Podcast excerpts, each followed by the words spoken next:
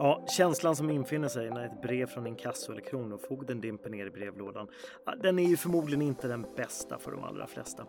Men vad innebär det egentligen att få ett inkassokrav och vad händer när du hamnar hos Kronofogden? Jag heter Fredrik Skärheden och med mig för att bena ut det här idag har jag chefen för inkassobolaget Lowells juridiska avdelning, Sanna Maras. Välkommen hit Sanna! Tack så mycket Fredrik, jag uppskattar att få vara här. Ja, Tack. Eh, jag ska för ordningens skull säga också att du är faktiskt inte bara jurist på Lowell utan du har också ett förflutet som just kronofogde. Så vi får det sagt. Ja, jag har över 30 år på Kronofogden bakom mig faktiskt. Ja, jag säger det lite för att eh, de ska, som lyssnar ska förstå att ja, men du, du vet ett och annat ja. om det du pratar om. Du har varit med ett tag så ska vi inte avslöja åldern något mer. Men, men, men Sanna, eh, jag vill börja med, med eh, att fråga dig, hur bra är vi svenskar egentligen på att betala våra skulder? Vi generellt är väldigt bra på att betala våra skulder. Vi har det med oss en, en grundvärdering att göra rätt för oss. Eh, och eh, oftast när vi får problem så har det en orsak. Eh, mm. Det kan vara en skilsmässa, det kan vara att du har blivit sjuk eller blivit av med ditt jobb och då begränsar det ditt betalningsutrymme. Eh, senare tid så har vi ju pandemin och vi har ju pågående krig som påverkar. Vi har en skenande inflation, eh, räntor ökar, för att inte tala om elräkningar. Så att det är oftast andra omständigheter som gör mm. att eh, du får problem med att betala. Och idag då, hur många inkassokrav skickar ni ut? Eh, ungefär 450 till 500 000 ja. vi ut. Och hur många av de här inkassokraven då går vidare sen till Kronofogden? Jag tycker det är lite spännande för jag trodde eh, i mitt tidigare liv när jag var på Kronofogden att det var mycket större andel som kom från inkassobolagen. Men det är ungefär 10 procent bara ja. som går vidare till Kronofogden. Och resten? Resten hanteras inom eh, inkassoprocessen.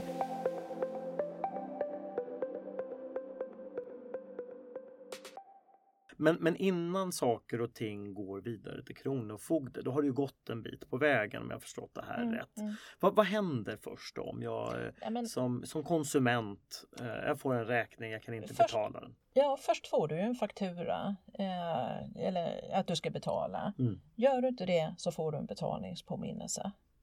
Gör du inte det, att du inte kan betala då, då kanske de anlitar ett inkassobolag som hjälper till. Och då får du ett inkassokrav. Man får först en påminnelse och sen får man inkassokrav. När är det dags att höra av sig till er eller jag ett skulle, annat bolag? Jag skulle vilja säga direkt. Ja. Ja, det, det, alltså, de flesta är för dåliga på att vara aktiva. Eh, när man får skulder, störtsbeteende är inte att rekommendera utan klarar du inte av att vara aktiv själv, eh, kanske du har någon i din omgivning som kan hjälpa dig att ta kontakten. Och, och eh, vad är det som gör att jag ska ta kontakt? Vad har jag att tjäna på det? Men det kan ju vara så att ja, men om jag kan få betala si så här mycket varje månad så kan vi se att skulden kan bli fullbetald. Och då blir du skuldfri vad mm. gäller mm. den delen. Och om vi nu då säger att jag kan ändå inte betala. Jag har ringt er och sagt att det här går inte att betala. Jag kan inte, jag klarar inte av det. Vad är det som händer då? Um, då kan det ju vara så att uh, Lowell uh, väljer att skicka ärendet vidare till Kronofogden. Men hur bestämmer ni då vilka av de här ärendena som ni får in som ändå går vidare till Kronofogden? Eh, man tittar på skuldernas storlek eh, eh, och sen framförallt om det finns, om den här personen som vi tittar på har andra ärenden hos Kronofogden och det pågår en löneutmätning, då vill vi gärna skicka in våra ärenden och vara med och dela på den det betalningsutrymmet som Kronofogden har kommit fram till. Så det handlar egentligen det, det som du Det då som vi kan säger. se att vi kan få betalt. Ja, och ser ni att ni bedömer att det finns ett utrymme för att få ja. betalt, det är då ni går vidare ja. med, med ja. och skickar in till Kronofogden. Och, och när ärendet då väl kommer in till Kronofogden, vad är det som händer då? Men det första de gör på Kronofogdemyndigheten det är ju att titta om det finns några tillgångar som kan lösa situationen. Eh, och, och, det är ju liksom, kan man mäta i, eh, i eh, lön eller finns det pengar på banken, en bankutmätning eller finns det andra tillgångar som mm. man kan mäta. Eh, I den processen som de gärna vill ha i en nära dialog med den skuldsatte mm. eh, så kan det också bli så att de kommer fram till att det inte finns ett betalningsutrymme, finns inga tillgångar och då kan de inte göra så mycket mer. Men det låter som ett första steg. Stannar det där då eller finns det vidare steg ja, i den här men då processen? berättar de en så kallad utredningsrapport. Eh, och av den framgår det i så fall att det saknas utmätningsbara tillgångar. Och sen händer inte mer. Jag skulle vilja säga typ på två år det inte händer någonting mer.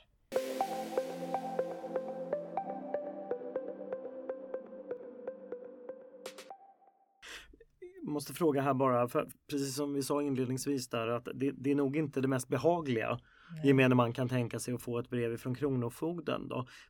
Hur påverkar det min ekonomi? Ja, men den påverkar ju på så sätt att om till exempel eh, de, de räknar ju fram ett lägsta belopp, godtagbart belopp, bestämt av lagar och regler som du får lov att behålla vid en löneutmätning till exempel. Det? Eh, det beror lite grann på, eh, det finns normalbelopp och sådär om du har barn, om du är gift och så vidare. Det är olika belopp. Eh, ett så kallat existensminimum. Mm. Och har du då fler skulder som inte är hos Kronofogden som du ska betala på frivilligt, då måste du ta det ur ditt existensminimum som är en väldigt liten summa. På det sättet är det ju väldigt svårt att betala något frivilligt om inte ärendena finns hos Kronofogden. Då är det tufft. Ja. Kan jag själv göra någonting eh, ja. när jag kommer i, få ett brev redan från inkasso kanske? Ja, eh, ja men det finns flera. För från allra första början, var mer aktiv. Och klarar du inte av att vara aktiv själv så kanske någon i familjen kan hjälpa dig eller att du kan vända dig till eh, skuld och, och budgetrådgivare hos kommunen. Men titta över ditt boende. Har du tillgångar du inte behöver som du kan göra dig av med så att du får pengar? Bor du för stort? Bor du för dyrt? Kan du minska din bo eh, boendekostnad? Det finns många saker man kan göra själv.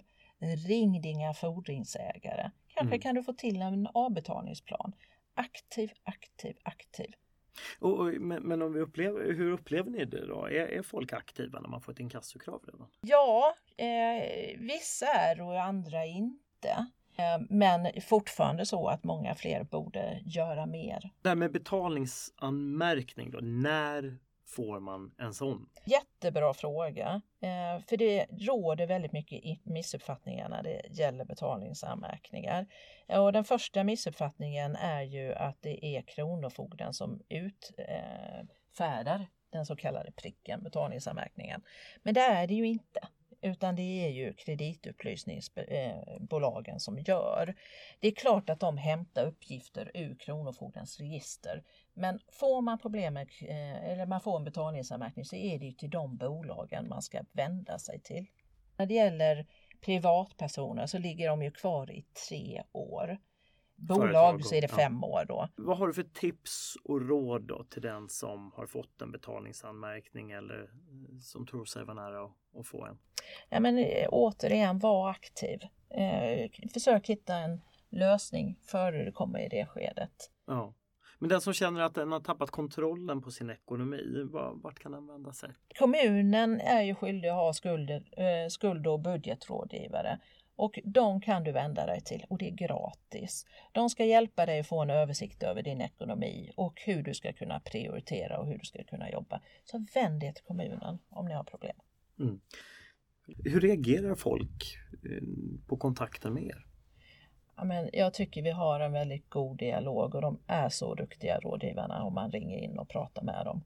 Så att eh, var inte rädd för att slå en signal. Ring till Lowell och eh, få hjälp. Och när får jag den? Jo, men är det så att du har en skuld och eh, du inte har betalt så kan ju ärendet då gå vidare till Kronofogden. Och eh, I ett första steg så skickar de ut ett betalningsföreläggande. Eh, och det vill säga att det är ju en uppmaning till dig att betala skulden och eh, du har ju i uppmaningen en svarstid. Eh, och det är viktigt att du betalar skulden inom svarstiden. Mm. Eller, eller om du tycker det är felaktigt så är det också viktigt att du bestrider kravet mm. inom svarstiden. Och gör du inte det eh, så kan du få en betalningsanmärkning. Och, och, vad får det för konsekvens då? För att det är ju någonting som man ändå hör en hel del om. Ja, att... konsekvensen är det ju att eh, om du skulle vilja ta ett lån så kanske inte det beviljas. För att eh, Eh, den betalningsanmärkningen ger ju en indikation att du har haft problem att betala. Mm. Eller till exempel, du står där, du kanske ska få din första, ditt första hyreskontrakt. Och så ser hyresvärden, nej men han har ju haft problem att betala. Och så mm. får du inte hyreskontraktet. Så att det absolut ska man försöka undvika att få ja. en betalningsanmärkning. Vad har du för tips och råd då till den som trots allt har fått en betalningsanmärkning eller är på väg att få en? Nej, men man, ska, man ska kontakta sina fordringsägare och se om man kan komma till någon form av uppgörelse. Är det en avbetalningsplan? Kan du eh, kanske inleda med att betala ett större belopp och sedan betala eh, löpande en viss summa varje månad. Men eh, titta över din egen situation igen. Finns det tillgångar du kan realisera? Kan du förändra ditt boende? Och för 17, ta inga nya lån. Vill du, köp inte eh, på kredit eh, rena konsumtionsvaror. Vill du köpa någonting, eh, spara ihop och betala med likvida medel. Du måste ju bryta det mönstret. Det kan ha hänt någonting i livet, arbetslöshet, mm. sjukdom och så här. Men det kan också vara att man lite, eh, alltså att man har eh, lånat mer pengar än man kanske borde eller förköpt sig på saker som man inte behöver. Eh, så att ett, en... ett ändrat beteende och en medvetenhet om ekonomi. Ja. Är det någon speciell eh, åldersgrupp till exempel som... Ja, men eh, jag, jag skulle vilja säga att jag tycker det är viktigt med dagens ungdomar att de får lära sig ekonomi.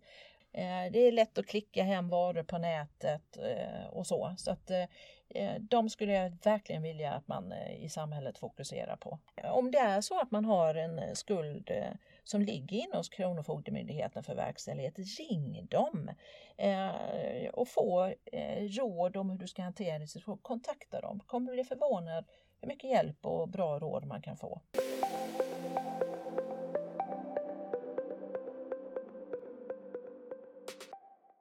Och, och sen har vi ett annat sånt där begrepp, det är ju utmätning. Ja, men utmätning, det är ju när Kronofogden letar tillgångar som de utmäter för att sedan realisera. V vad är det som de eh, utmäter? Då? Vanligaste Kronofogden utmäter det är banktillgodohavande. Om du så pengar på konton? Pengar på konton. Eh, skulle du få tillbaka en överskjutande skatt så utmäter de det. Sen är den absolut allra vanligaste det är också utmätning i lön. Och då räknar hon fram det här lägsta beloppet som du får lov att behålla för att kunna eh, ha, leva till nästkommande Ett månad. existensminimum. Ett existensminimum, ja. ja. Men du, hur, hur, eh, många är det som kan betala då när det går till Kronofogde?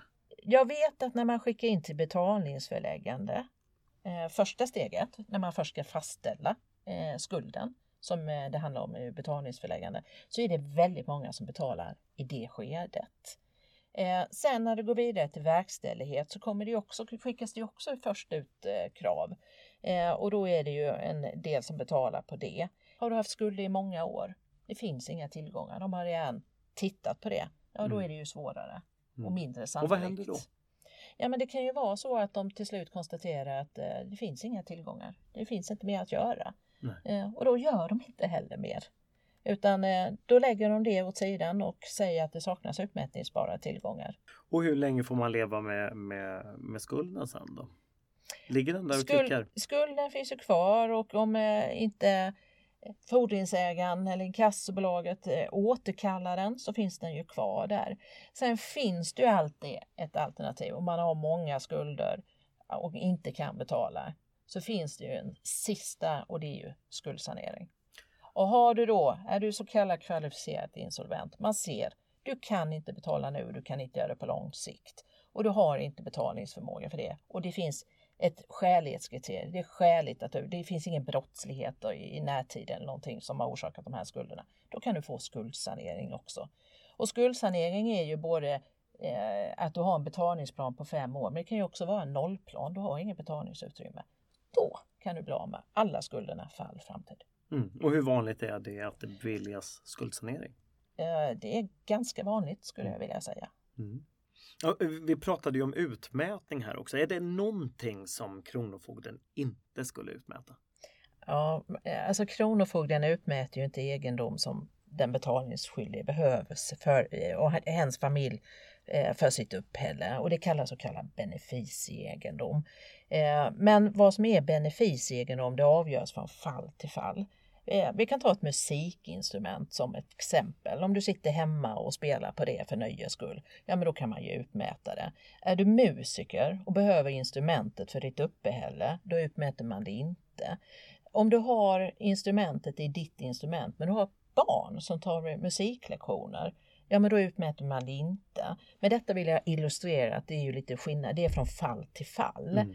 Eh, men sedan är det ju eh, eh, heders, alltså saker som skulle vara uppenbart obilligt att uppmäta, om jag uttrycker mig så. Obilligt att utmäta? Ja, det skulle inte vara smakligt att uppmäta, vill jag på säga. Kan du ge ett exempel? Ja, men hedersmedaljer, idrottspriser, ja. sällskapsdjur. Sällskapsdjur också? Ja. Så att det är inte... Det är inte... Nej, men om man säger så här, hundar, katter, kaniner, ormar och ödlor. Hästar däremot räknas inte som sällskapsdjur. Och det här är ju något som lagstiftaren har bestämt. Eh, det finns några rättsfall där det har varit frågan om utmätning av hundar och så vidare. Eh, men är det sällskapsdjur så utmäts inte hundar och katter. Gränsen går vid hästar? Gränsen går vid hästar.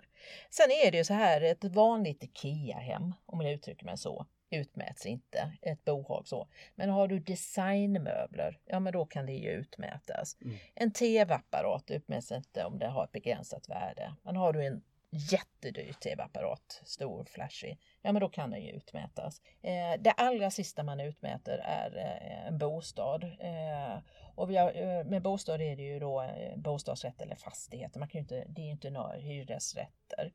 Eh, så att och man försöker alltid att utmäta det som är minst ingripande för den som är betalningsskyldig. Minst ingripande, det vill ja, säga den som... Ja, eh, alltså för dig, om du har en skuld och Kronofogden eh, kommer till dig så kanske det är så att om jag mäter eh, bankmedel så är det trots allt minst ingripande för dig. Men du kan också säga till mig att man kan inte mäta det här istället. Om Kronofogden ser att det går att utmäta kan anvisa egendom som man föredrar utmätt det istället. Ja, Sanna Maras, tack snälla du för att du tog dig tid för att komma hit och diskutera det här med oss. Och om någon där ute sitter och har problem med sin ekonomi, svårt att betala skulderna, då är alltså tipset nummer ett härifrån idag att höra av sig till de som du har skulder till eller till inkassobolaget eh, om du har fått brev därifrån. Så kontakt och dialog om vi ska sammanfatta vad ja, det låter jättebra. Ja. Då tar vi det. Tack, Tack så mycket. Tack.